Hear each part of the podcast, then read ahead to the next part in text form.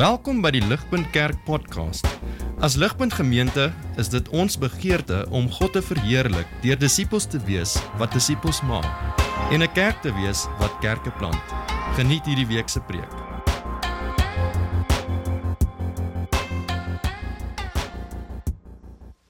In die derde maand na die Israeliete se uittog uit Egipte land, op dieselfde dag, het hulle in die Sinaï woestyn aangekom. Hulle het van Refidim af geweggetrek en die Sinaï woestyn aangekom en in die woestyn gekamp opgeslaan. Israel het daar reg voor die berg kamp opgeslaan. Moses het opgeklim na God en die Here het van die berg af na hom geroep en gesê: "So moet jy vir die huis van Jakob sê, sodat jy die Israeliete kan inlig Julle het self gesien wat ek aan die Egiptenare gedoen het en hoe ek hulle op arensvlerke gedra het en julle na my gebring het. As julle dan nou getrou luister na my stem en my verbond nakom, dan sal julle onder al die volke my persoonlike eiendom wees. Al behoort die hele aarde aan my. Vir my sal julle 'n koninkryk van priesters en 'n heilige nasie wees. Dit is die woorde wat jy aan die Israeliete moet oordra. In Deuteronomium 4 vers 1 tot 8. Israel Luister dan nou na die vaste voorskrifte en beslissings wat ek aan julle leer. Voer dit uit sodat julle kan leef en in die land ingaan wat die Here, die God van julle voorouers, vir julle gee om in besit te neem. Julle mag niks byvoeg by alles wat ek julle beveel nie en julle mag niks daarvan weglaat nie. Kom die gebooie van julle van die Here julle God na wat ek julle beveel. Julle het met julle eie oë gesien wat die Here gedoen het by Baal Peor, dat die Here julle God elke enkele persoon onder julle wat agter die baal van Peor aangeloop het, onder julle uitgedelg het. Maar julle wat aan die Here julle God vasgehou het, julle almal leef vandag nog. Kyk, ek leer julle die vaste voorskrifte en beslissings soos die Here my God my beveel het, sodat julle daarvolgens kan leef in die land waarin julle op pad is en wat julle in besit gaan neem. Kom dit na en voer dit uit want daaruit sal dit vir die nasies duidelik wees dat jy wysheid en insig het. Wanneer hulle al hierdie vaste voorskrifte hoor, sal hulle sê: "Wat 'n wyse en verstandige volk is hierdie groot nasie nie." Want watter ander groot nasie het 'n God wat so na aan hulle is, soos die Here ons God aan ons is, wanneer ook al ons hom aanroep? Watter ander groot nasie het vaste voorskrifte en beslissings wat so regverdig is, soos hierdie hele wet wat ek vandag aan julle gaan voorhou?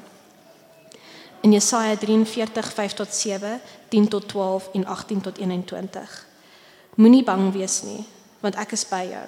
Uit die ooste bring ek jou nageslag, uit die weste maak ek jou bymekaar. Ek sê vir die noorde, gee en vir die suide, moenie gevange hou nie. Bring my seuns van ver en my dogters van die einde van die aarde af. Elkeen wat na my naam geroem is, is tot my eer, het ek hom geskep, hom gevorm, ja, hom gemaak. Julle is my getuies, is die uitspraak van die Here, my dienskneg wat ek uitgekies het, sodat julle my kan dien en my kan glo en kan insien dat ek is. Voor my is daar nie 'n God gevorm nie en na my sal daar nie een wees nie. Ek, ja, ek is die Here en daar is geen verlosser buite my nie. Ek is die een wat dit bekend gemaak het. Ek het dit verlos, ek het verlos en dit aangekondig. Ek, nie 'n vreemde onder julle nie. En julle is die getuies is die uitspraak van die Here dat ek God is. Moenie dinge van vroeër in herinnering roep nie. Op vorige gebeure moet jy nie die aandag vestig nie. Kyk, ek gaan iets nuuts doen. Dit gaan nou uitsprei. Kan julle dit nie besef nie? Selfs in die woestyn sal ek 'n pad maak in die wildernis riviere. Die wilde diere sal my eer, die jakkalse en steenuile, omdat ek water in die woestyn, ja, riviere in die wildernis gee om 'n uitverkore volk te laat drink die volk wat ek vir my gevorm het, sal het my lof sal hulle verkondig. 1 Petrus 2 vers 9 tot 12. Julle egter is 'n uitverkore geslag, 'n koninklike priesterdom, 'n heilige nasie, 'n volk wat aan God behoort, sodat julle die deugde kan verkondig van hom wat julle uit die duisternis geroep het na sy wonderlike lig. Julle wat eers nie 'n volk was nie, maar nou volk van God is, wat eers nie ontferming ontvang het nie maar nou ontferming ontvang het. Geliefdes, ek dring daarop aan dat julle as bywoners en vreemdelinge julle weerhou van liggaamlike begeertes wat stryd voer teen die siel. Gedra julle goed onder die heidene sodat hulle wanneer hulle julle beswadder asof julle misdadigers is, God op die dag van besoeking kan verheerlik omdat hulle julle goeie dade gesien het. Goeie goeiemôre ligpunt. Dit is goed om saam met julle te wees vanoggend hier en ek wil net saam met Dewet vir jou baie welkom sê as jy vandag die eerste keer hier by ons is en soos Dewet ook gesê het, maak ons vandag klaar met hierdie reeks waarmee ons die jaar begin het, gegrond in God se storie en so indien jy nie by een van die die vorige preke was nie, hulle almal gaan so klein bietjie saam, hulle bou op mekaar, dan sal ek jou aan spoor om of op ons webbladsy of op die podcast kan jy gaan luister na die vorige preke in hierdie reeks, 'n baie belangrike reeks. Ehm um, glo en bid ons in die lewe van van ligpunt. Vriende, kom ons bid. Kom ons vra dat die Here nou met ons sal wees. Daar's baie tekste daar. Ehm um, maar dit is 'n dink ek 'n 'n een eenvoudige waarheid vandag wat ons oor ons saam dink, maar vir dit het ons nog steeds die Here se genade nodig dat hy nou moet werk in in ons. En so kom ons sluit die oë en pleit vir die Here se krag en genade. Vader, ons kom na U toe nou. Almal van ons op verskillende plekke. Party van ons hierso wakker, party van ons moeg, party van ons ehm um, vreugdevol, party van ons kwaad, party van ons aan die brand vir U, party van ons kurk droog. Here, ons almal benodig U genade en ons het 'n geleentheid om nou U genade in te drink want waar U woord verkondig word, is die Gees aan die werk en daar bring U nuwe lewe. Here ons benodig nuwe lewe. En toenemend so, kom en ontmoet met ons nou. Ons bid dit in Jesus se goeie naam. Amen. Amen. Vriende, ehm um, ongeveer ongeveer 'n jaar gelede, so 9 Januarie 2023, was dit die ANC se jaarlikse uh verjaarsdag feesviering. Hulle hou dit altyd in in die Vrystaat en laas jaar 9 Januarie het hulle dit weer gehad. Dit is die groot partytjie van die ANC en ouer gewoonte het president Ramaphosa daar 'n toespraak gelewer en so was amper soos wat dit hier sou wees. Jy kan dit net jouself indink. Hierdie groot partytjie dit is nie heeltemal soos hier nie. Maar ehm um, maar maar daar was 'n klomp mense saam en president Ramaphosa het 'n toespraak gelewer en in sy toespraak en hy praat nou met die ANC politici en daar is die ministers van die parlement en daar is uh munisipale en verskillende staatsinstelling hierdie afgevaardigdes van die ANC wat daar is en hy lewer die toespraak om die ANC lede aan te spoor maar ook om hulle so klein bietjie aan te spreek. En in sy speech wat hy gegee het presies 'n jaar gelede het hy die ANC hierdie afgevaardigdes geroep en hy het hulle gesê dit was nou 2023 hy het gesê afgevaardigdes verteenwoordigers van die ANC ons het nodig om beter te doen. En toe lys hy die tipiese goeters die dinge soos die energiekrisis in ons land hy het verwys na dienslewering in ons land hy het verwys na die korrupsie in ons land. En president Ramaphosa het vir die ANC ouens gesê luister ons het nodig om beter te doen en hierdie was die rede het hy gesê in sy in sy toespraak. Die rede hoekom ons moet beter doen is hy sê want ons optrede, ons doen en late praat met die die ANC afgevaardig is is besig om die ANC se public image, haal ek hom aan, ons public image skade te berokken. Nou dit was 2023, die meeste van daai goed is nog by ons, dit is in die begin van 2024 en ek dink daar's nog steeds 'n bietjie van 'n sukkel met die ANC se public image op hierdie stadium. Maar vriende, ek verwys daarna nie omdat ek enigstens verder oor die ANC vanoggend wil gesels nie, maar eerder omdat ek dink dit illustreer vir ons 'n baie belangrike lewensbeginsel. En die lewensbeginsel is die volgende: Afgevaardigdes, verteenwoordigers van enige instansie se doen en late het 'n daadwerklike impak op die goeie naam van die instansie wat hulle verteenwoordig, veral in die oë van buitestanders. Dit is hoekom as jy na Menlyn toe gaan en jy sien daar 'n hoërskool laaitie in sy skoolklere, maar hy staan in sy skoolklere daar in rook, dan gaan daai ouetjie in die moeilikheid kom. Dit is hoekom wanneer die Proteas, die die die cricketspan, cricket speel en een van die Proteas word gevang vir match fixing, dan is ons almal baie kwaad en hy gaan in baie baie groot moeilikheid kom want jy sien hierdie beginsel besef ons almal dat daar's sekere rolle in die lewe dat as jy 'n afgevaardigde is, jy's 'n verteenwoordiger, dan is jy 'n vertoonvenster van een of ander instansie of groep wie jy verteenwoordig. En so ook vriende is dit natuurlik met elkeen van ons as Christene. Ek weet nie of jy bewus is hiervan nie. Dit is primêr wat die heel eerste hoofstuk in die Bybel bedoel wanneer Genesis 1 sê ons as die mens is geskep in God se beeld. Dit is die primêre betekenis van wat dit na verwys. Ons is God se image in hierdie wêreld. Dit is wat die mens voor geskep was na die sondeval natuurlik is daardie beeld van God wat ons behoort in hierdie wêreld en toon te stel is natuurlik nou gebreek. Jesus kom as die perfekte beeld van God. Hy kom en hy red ons nie net nie, maar deur sy gees wat doen hy? Hy kom en toenemend deur sy gees is hy besig om ons nou toenemend in sy ewe beeld in te vorm. Ons vriende, as jy 'n Christen is hier vandag, ons is God se image in die publiek. Dit is wat dit beteken vir ons om Christene te wees en ek wonder net as ek net hier kan stop en as jy net vir 'n oomblik kan eerlik vir jouself afvra, is dit hoe jy dink op die beste van tye oor die Christen lewe? Ek, ek dink nie dit is hoe ek oor dit dink nie. Ek dink aan 'n klomp dinge in die naam van God en Christendom, maar nie altyd noodwendig dat ek God se verteenwoordiger is nie. Soos die politikus vir die party, soos die skoolier vir die skool, soos die nasionale sportster vir die land, so die Christen tot God. Ons fundamentele roeping as God se mense is om God in hierdie wêreld goed te verteenwoordig. Dit is hoekom 2 Korintiërs 5 vers 20 ons noem wat ons is ambassadeurs.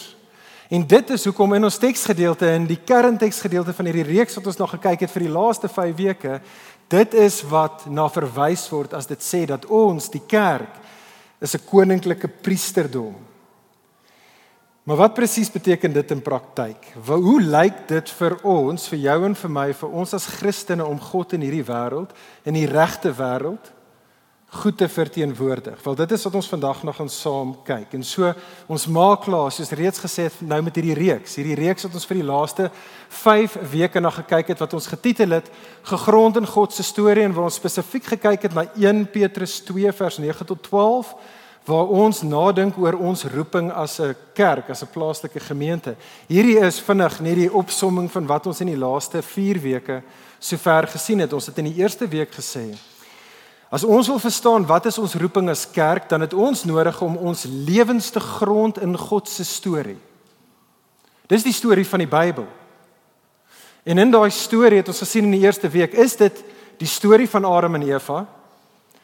En toe die storie van Israel, 'n storie wat in vervulling gekom het in die storie van Jesus en in elkeen van daai kom ons noem dit hoofstukke in die storie van Adam en Eva, Israel en Jesus was dit baie duidelik pertinent uitgespel wat is hulle roeping en dit is om God se koninklike priesters te wees, 'n mense wat hom in hierdie wêreld verteenwoordig. Toe in die laaste 3 weke het ons begin kyk, okay, maar hoe? En dit behoort hier op die skerm agter my ook te wees, maar hoe? Hoe presies gaan ons ons roeping as kerk en as gelowiges realiseer? En ons het gesê, wel eerstens, ons het nodig om altyd te onthou wie God is. Ons moet mense wees wat ons God ken. En as ons God persoonlik intiem gaan ken, dan sal ons ons roeping as koninklike priesters toenemend uitleef. Tweedens het ons nodig om altyd te onthou wie is ons? En ons het gesien en gesê ons is fundamenteel God se geliefdes, 'n mense wat altyd in God se liefde in die binnekant in verhouding met hom staan. En as ons dit maar net kan onthou, vriende, sal dit ons bonatuurlik aanspoor om te kan lewe as God se koninklike priesters in die wêreld. Laasweek het ons gekyk en gesê ons het ook nodig om te onthou waar ons is. En ons het laasweek gesien ons as die kerk en ons sien dit oor en oor in 1 Petrus 2 se mense wat aan die een kant beskryf het ons is 'n mense wat nie heiliglik in die beloofde land hemel op aarde is nie. Ons is nou in 'n woestyn bestaan of jy kan ook sê soos Israel in 'n ballingskap tydperk. En as ek en jy dit kan onthou waar ons is, sal dit ons help om ons roeping hier nou te kan realiseer. En vandag kom ons by die laaste Waarheid wat ons voor oë moet hou. As ons ons roeping gaan realiseer, ligpunt vriende, het ons ook nodig om te onthou waarvoor is ons hier? Ja, ons is koninklike priesters. Maar wat beteken dit in praktyk? Hoe lyk dit in praktyk? Hoe lyk dit vir ons om God in hierdie wêreld goed te verteenwoordig? Dit is wat ons nou gaan kyk, vriende. Primêr Ekskuus tog. Primêr in 1 Petrus 2 twee waarhede wat ek graag wil ons moet sien. Twee waarhede sodat ons God goed kan verteenwoordig. Hier's die eerste ene. Christen ligpunt besef dit ons is geroep om God se heerlikheid te verkondig. Dis die eerste ding wat ek wil hê ons moet sien. Ons is geroep om God se heerlikheid te verkondig. Nou ons het tevore in die reeks gesê dat 1 Petrus 2 is gebou op 'n klomp Ou Testament tekste, primêr 3 Ou Testament tekste. Een van daardie drie het ons nog nie na gekyk nie. En dit is Jesaja 43. En so ek wil vinnig en dit is daar op julle blaadjies, maar net vinnig ons almal so bietjie net in die wêreld en in die storie van Jesaja 43 bring. Op daardie stadium is die volk Israel weens hulle versuiming van hulle Godgegewe roeping bevind Israel hulle self in ballingskap. Hulle is in Babelonie in 'n ballingskap, maar dan kom God via die profeet Jesaja met goeie nuus. God bring vir hulle evangelie. God sê vir hulle Ek gaan julle nie omdat julle dit verdien nie, totaalheid genade het gaan ek julle vanaf ballingskap af terugbring na die beloofde land toe. Ek gaan julle red. Maar die ding wat ek wil hê in daai vers in Jesaja 43 vriende wat ek en jy nie moet mis nie is die hoekom. Hoekom doen God dit? Hoekom gaan God sy genade aan hulle betoon? Hoekom gaan God hulle red? Want daar's drie bewegings daar in Jesaja 43. Kyk vinnig saam met my. Ons gaan vlugtig daarna kyk.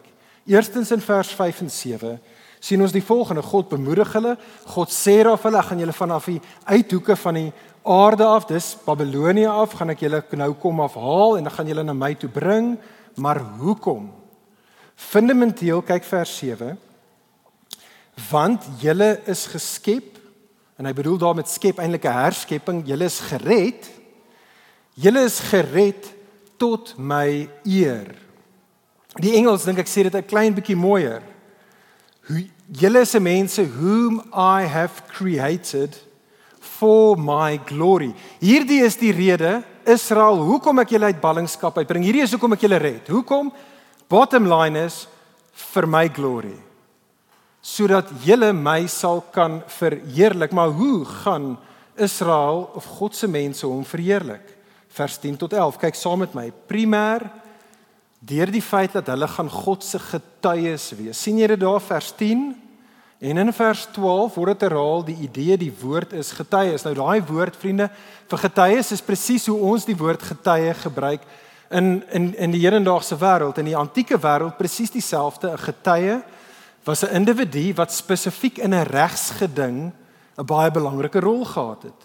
'n Getuie net soos vandag was iemand wat in 'n regsgeding gegaan het. 'n Witness was iemand wat iets moes gesê het en daai moes gesê het dit wat hy gesien het, dit wat hy gehoor het, dit wat hy beleef of ervaar het.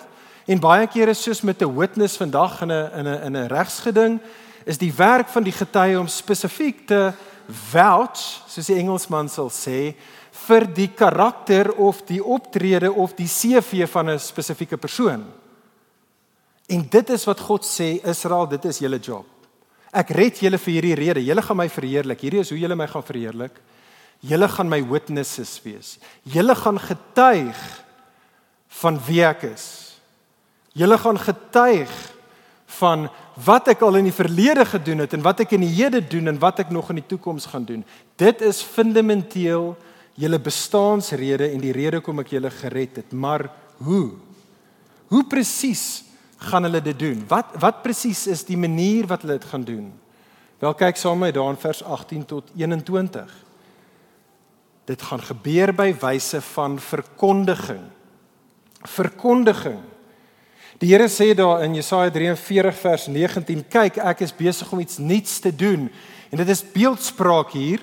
Die beeldspraak is, kan jy dit sien soos wat hulle van julle kant op die kaart, hier is Babelonie, hier is hier is Juda soos wat hulle van Babelonie af nou gaan teruggebring word na na na na Juda toe is dit asof hulle gaan deur 'n woestyn area beweeg, maar soos wat hulle gaan kom, kan jy dit sien. Soos wat hulle kom, is alles om hulle besig. Dit is omtrent asof daar 'n klein Eden is wat om hulle besig is. Om hulle is daar seëning en hulle gaan in die woestyn waar ook al hulle is, gaan daar lewende water wees, lewende water wat selfs vir die wilde diere nou gaan water gee. Dis die prentjie wat hier geskets word. En dit alles soos wat hulle deur die woestyn reisigers is, En soos wat hulle sien jy daar einde vers 21, soos wat hulle as God se verlosters God se lof gaan verkondig. En dit is die agtergrond vir ons gedeelte in 1 Petrus hoofstuk 2. Kyk saam met my in die teks weer na 1 Petrus 2 vers 9. Die taal in 1 Petrus 2 dat hulle is 'n uitverkore volk. Hulle is 'n 'n volk wat aan God behoort. Dis alles Jesaja 43 taal. Die feit dat hulle aan God behoort, hoekom sodat daar's die purpose statement sodat sodat hulle die deugde van God, die karakter van God, die CV van God, wie God is, wat hy doen sodat hulle die deugde van God kan verkondig. Nou vriende, meeste van ons hier sal vertroud wees. Ek dink as jy al so semi in jou lewe gekerk is, Sal jy al gehoor het van daai baie bekende aanhaling van Sint Francis van Assisi?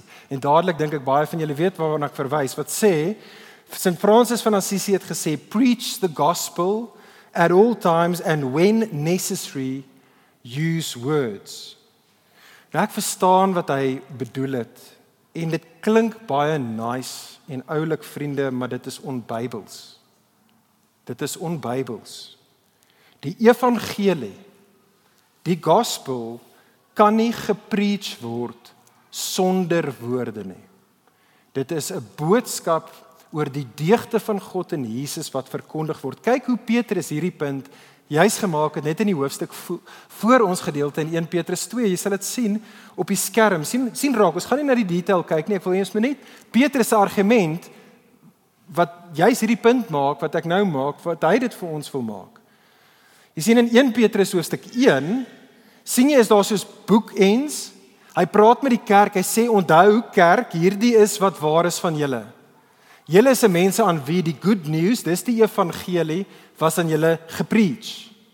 Hy begin daarmee, hy eindig maar mooi. Dit is wat jou 'n Christen maak. Jy's iemand aan wie die evangelie verkondig was, gepreach was. In die middel van daai twee ehm um, gedeeltes gee hy vir ons wat is die evangelie? Die evangelie sê Petrus is fundamenteel die goeie nuus dat ons die kerk is kinders van die Skepper. God is ons Vader, ons is sy aangenome kinders. Dit alles danksy Jesus.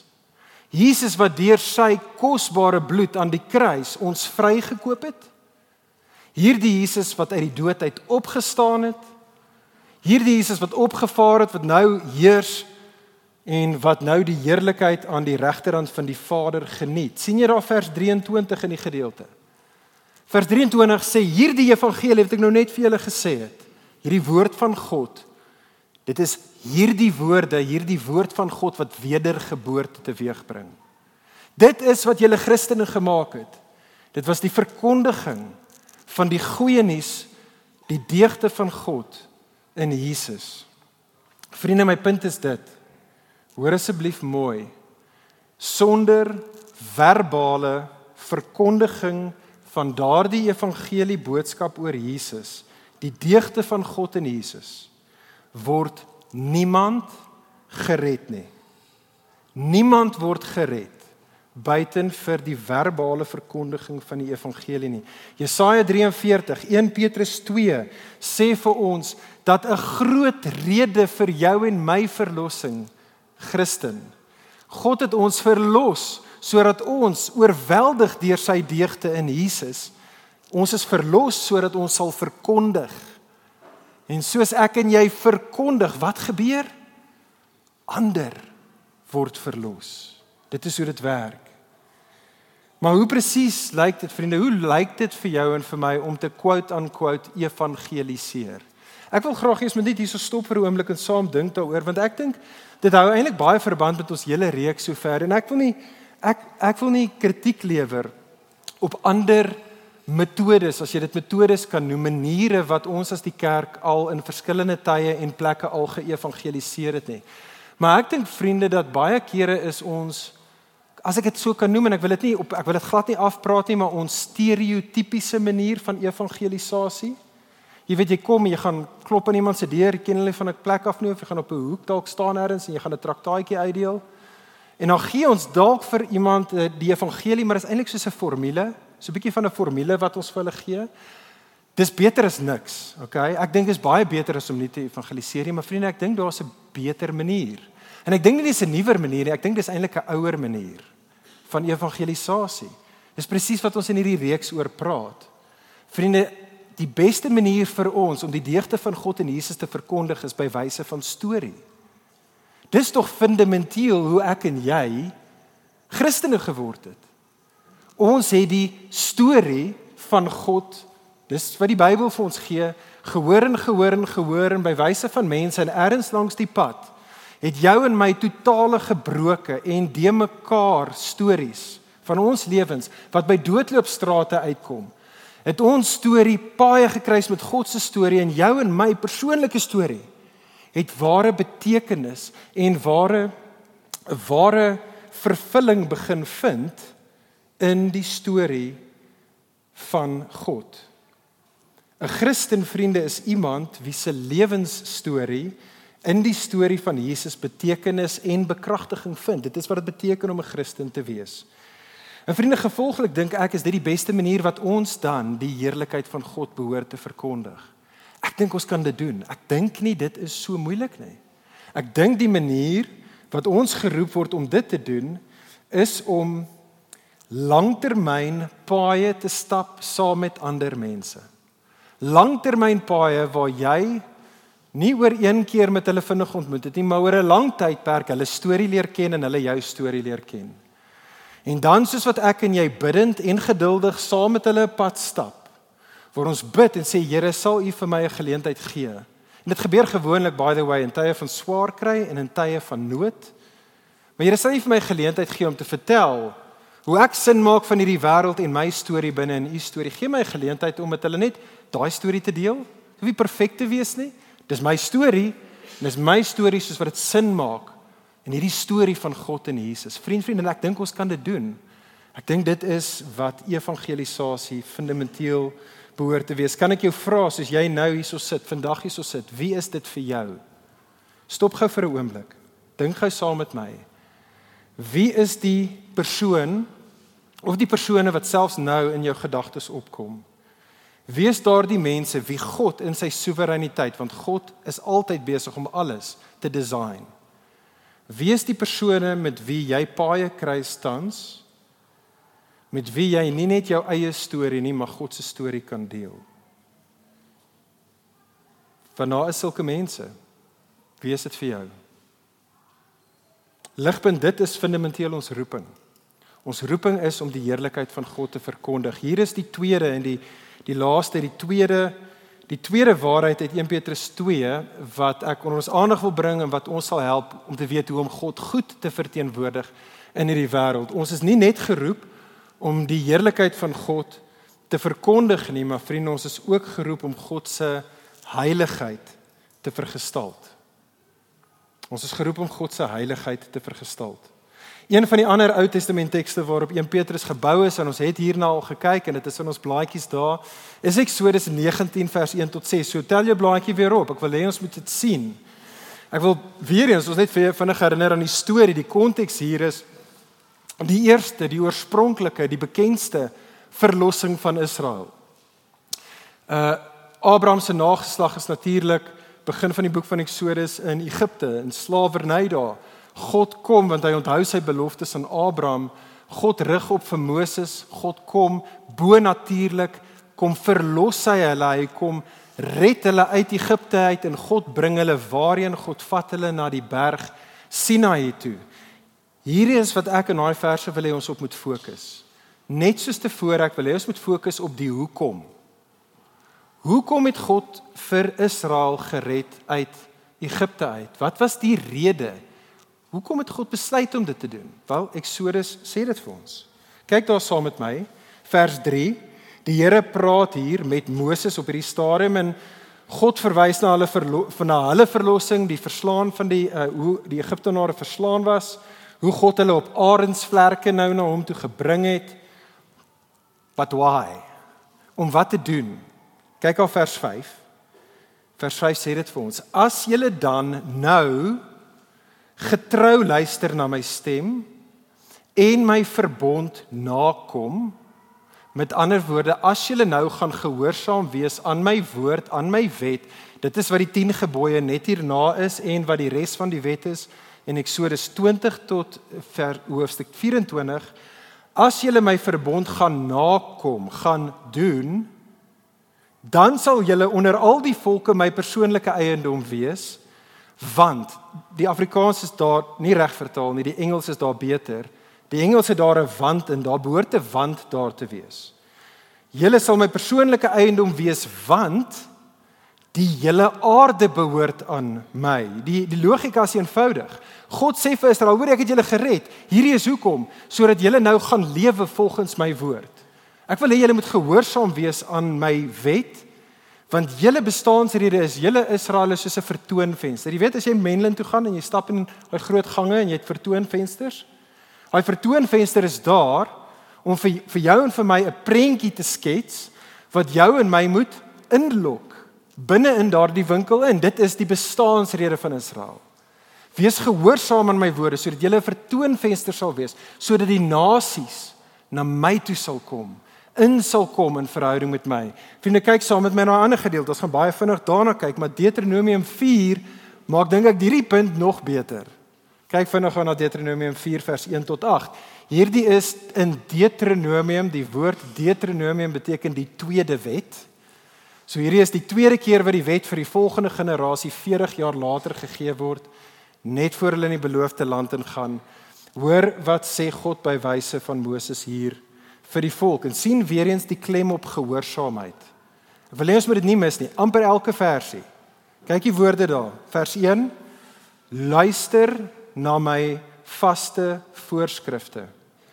Voer dit uit. Vers 2: Kom die gebooie na. Vers 5: Leef volgens die vaste voorskrifte. Vers 6: Kom dit na en voer dit uit. Hoekom?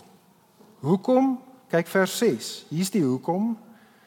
Want daaruit sal dit vir die nasies duidelik wees dat julle wysheid en insig het. Wanneer hulle, die nasies, al hierdie vaste voorskrifte hoor, sal hulle sê wat 'n wyse en 'n verstandige volk is hierdie groot nasie nie. Want watter ander groot nasie het 'n God wat so naby aan hulle is? Soos die Here ons God aan ons is en wanneer ook al ons hom aanroep. Die punt is vriende, dis 'n heeltemal 'n ander manier. Ek weet nie van jou nie, ek dink dit is 'n heeltemal 'n ander manier om te dink oor die wet of die moets en moenies van beide die Ou en die Nuwe Testament. Die punt daarvan, die die wet vir Israel was hulle konstitusie.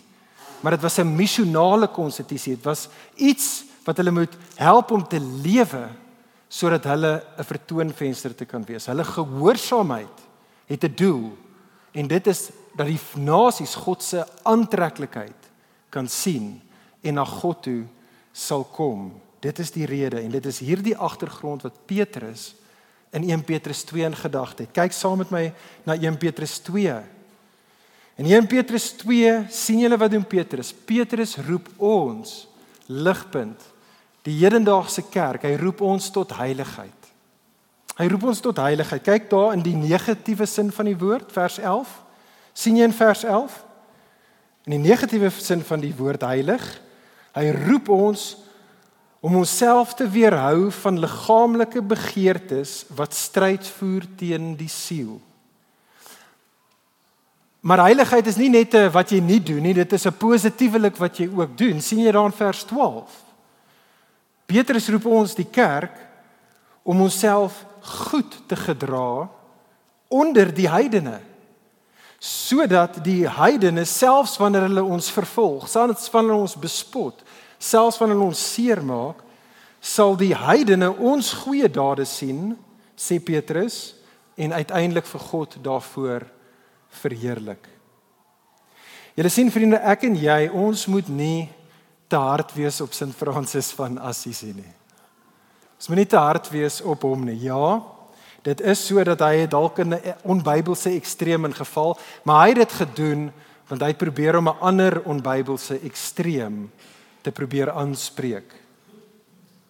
Vriende, om God te verteenwoordig vir jou en vir my as Christene geskied nie net soos wat ons die heerlikheid van God verkondig nie, maar ook gesamentlik. Jy kan dit nie van mekaar skei nie, maar ook soos wat ons die heiligheid van God in ons wandeling in hierdie wêreld vergestalt.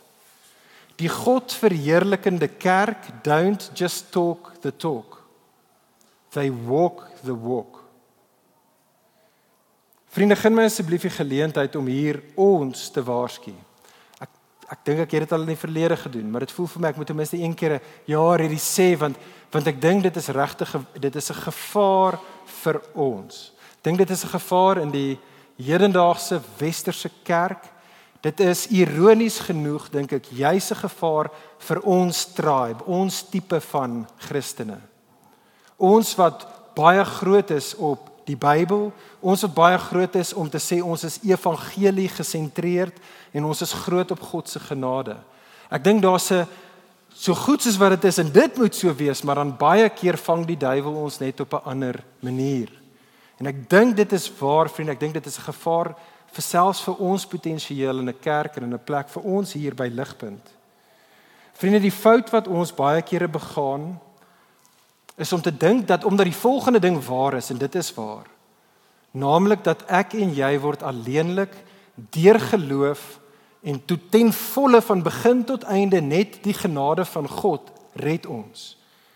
Maak ons die fout om te dink dat omdat dit waar is is gehoorsaamheid aan God se moeds en moenies nie regtig so belangrik nie. Maar ons weet dit is belangrik Maar ons weet daar's ander pliggies in die kerk. Hulle sal dit regtig soos 'n nyl namens ons. En as ons moet eerlik wees, baie kere dink ons dis so 'n bietjie van heiligheid is so 'n bietjie van 'n opsionele ekstra. As ons moet eerlik wees, dink ons as ons mense sien in ons midde wat net so klein bietjie vir ons sê, maar ehm um, sien jy hier, hierdie opdrag en hierdie opdrag in die Nuwe Testament? Uh dit sê ons moet hierdie goeders doen, ons moenie hierdie goeders doen nie. As iemand net so klein bietjie te veel volgens wat ons van hou, streef na heiligheid, dan is ons baie vinnig om te sê jy moet net oppas om net nie in werksgodsdienste verval nie. En vriende, ek dink dit is 'n fout. Ek dink dit is 'n fout want ek dink dit vergeet die storie van God. Dit vergeet die feit dat God het nie vir Israel die wet gegee nie sodat hulle deur hulle gehoorsaamheid gered sal kan word en punte kan wen by God nie. Nee, hulle het die wet gekry nadat hulle reeds God se mense was, nadat hy hulle reeds gered het. Het God vir hulle die wet gegee sodat hulle God goed deur hulle heiligheid sal vergestaal. En kyk weer eens dat dit is presies wat Petrus net voor ons gedeelte in 1 Petrus vir ons sê. Kyk saam met my. Op die skerm, selfe teksgedeelte as net nou, ek het net 'n versie bygelas. Maar sien raak saam met my 1 Petrus 1 vers 14. Praat met ons, die Nuwe Testament kerk.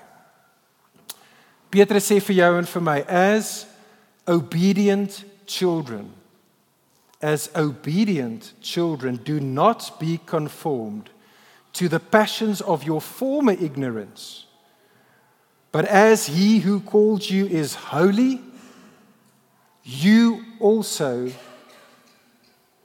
Be holy in all your conduct, since it is written, You shall be holy, for I am holy. Kan ek jou weer vra, vriend, vriendin, moenie nou dink aan jou man of jou vrou, die persoon voor of agter jou nie. Kan ek jou vra soos jy hierso sit vandag? Hoe is die Heilige Gees besig om op hierdie stadium deur die heilige geskrifte jou nou aan te spoor tot heiligheid? Wat is daardie areas in jou lewe? Wat is daardie dinge wat jy behoort soos die Nuwe Testament vir ons sê wat jy moet afgooi, wat jy behoort af te kap, soos Jesus sê wat jy moet afpluk, uitpluk? Wat is dit vir jou? Hoe kan jy en ek, hoe kan ons meer soos Jesus begin lyk?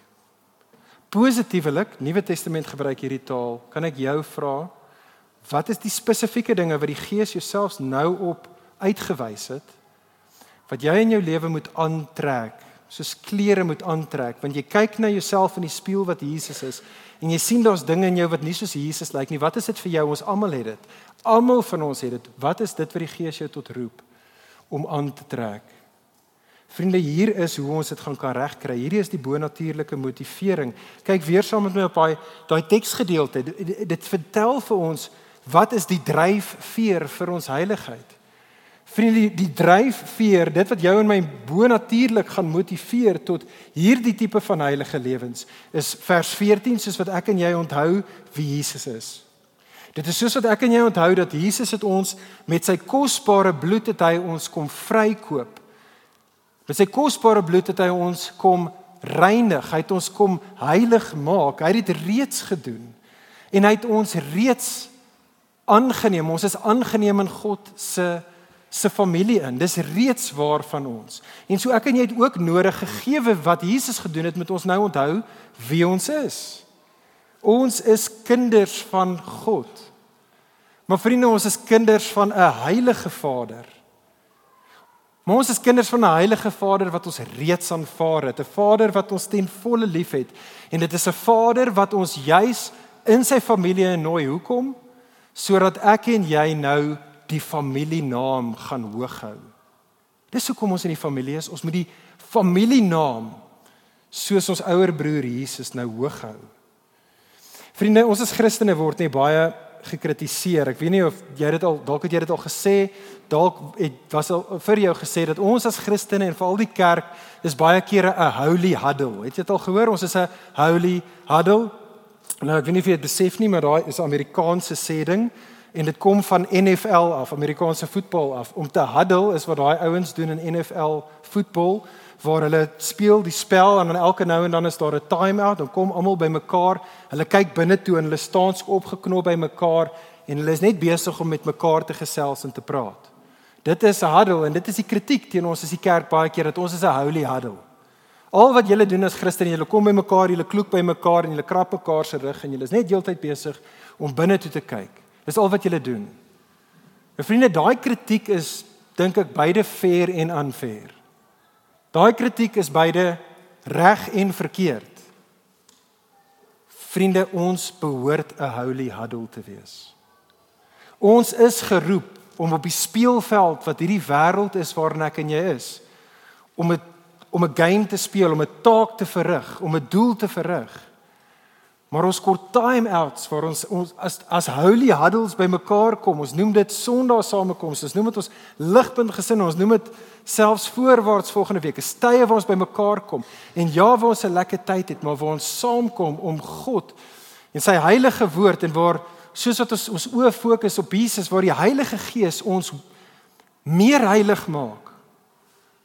Maar dan nie om daar te bly nie, Maar om dan soos daai voetbalspelers uit te gaan en om op die speelveld van hierdie wêreld dan te gaan en ons heilige roeping te vervul om God goed te verteenwoordig in hierdie wêreld. En ek sluit hiermee af. Vriende, ek wil hiermee afsluit. Ek wil afsluit met woorde van 'n ou met die naam van Richard Havison. Ek dink jy sê Havison, Halverson. Richard Halverson. Richard Halverson was vir 14 jaar lank die kapelaan gewees van die Amerikaanse Senaat en hy was vir 32 jaar lank was hy 'n uh, 'n dominee, 'n pastoor van 'n presbiteriaanse kerk in Amerika en vir 32 jaar lank elke Sondag het hy die gemeente uitgestuur in presies dieselfde woorde. Jy jy, jy, jy ons praat van baie in Afrikaans as 'n seënbede of in Engels praat ons van 'n benediction. Hy het dieselfde benediction elke Sondag vir 32 jaar ge, gegee aan sy gemeente en ek wil ons vandag met dit los. Ek wil sê ligpunt dit behoort waar te wees van ons. En so hoor hierdie woorde ligpunt soos wat ons hierdie skoen aantrek vir onsself. Richard Halverson sê vir ons, hy het sy mense uitgestuur soos ek ons wil uitstuur vandag. Hy sê you Christen You go nowhere by accident. Wherever you go, God is sending you. Wherever you are, God has put you there. God has a purpose in your being there. Christ lives in you. And he has something he wants to do through you where you are. Believe this and go in the grace and in the love and in the power of Jesus Christ. Vriende, ligpunt, ons is geroep om gestuur te word. En God stuur elkeen van ons vandag hier uit. Hy stuur elkeen van ons uit. Hy stuur jou na jou huis toe. Hy stuur jou na jou huis toe, hy stuur jou na jou familie toe. Hy stuur jou na jou werk toe, hy stuur jou na die skool toe waar jou kinders is of as jy op skool of universiteit is hier, hy stuur jou soen toe. Hy stuur ons in hierdie stad in en in hierdie land en in hierdie wêreld in sodat ons in woord en in daad hom goed sal gaan verteenwoordig. Dit is hoekom ons hier is. Hy stuur ons uit en weet julle wat se amazing ding? Die amazing ding is ons kan dit doen. Die taak wat vir jou en vir my gegee word, is nie 'n taak wat te groot is vir jou en vir my nie. Dis nie onmoontlik nie. Want God stuur ons uit in die genade en in die liefde en in die krag van Jesus. So mag ons gaan, mag ons gaan. Kom ek bid vir ons saam, vriende. Vader, ons loof en ons prys U dat ons lewens kan saak maak. Ons lewens hoef nie betekenisloos te wees nie. Ons stories kan groter wees as net die tipiese dinge wat hierdie wêreld voor rondskarrel van maandag tot tot sonderdag.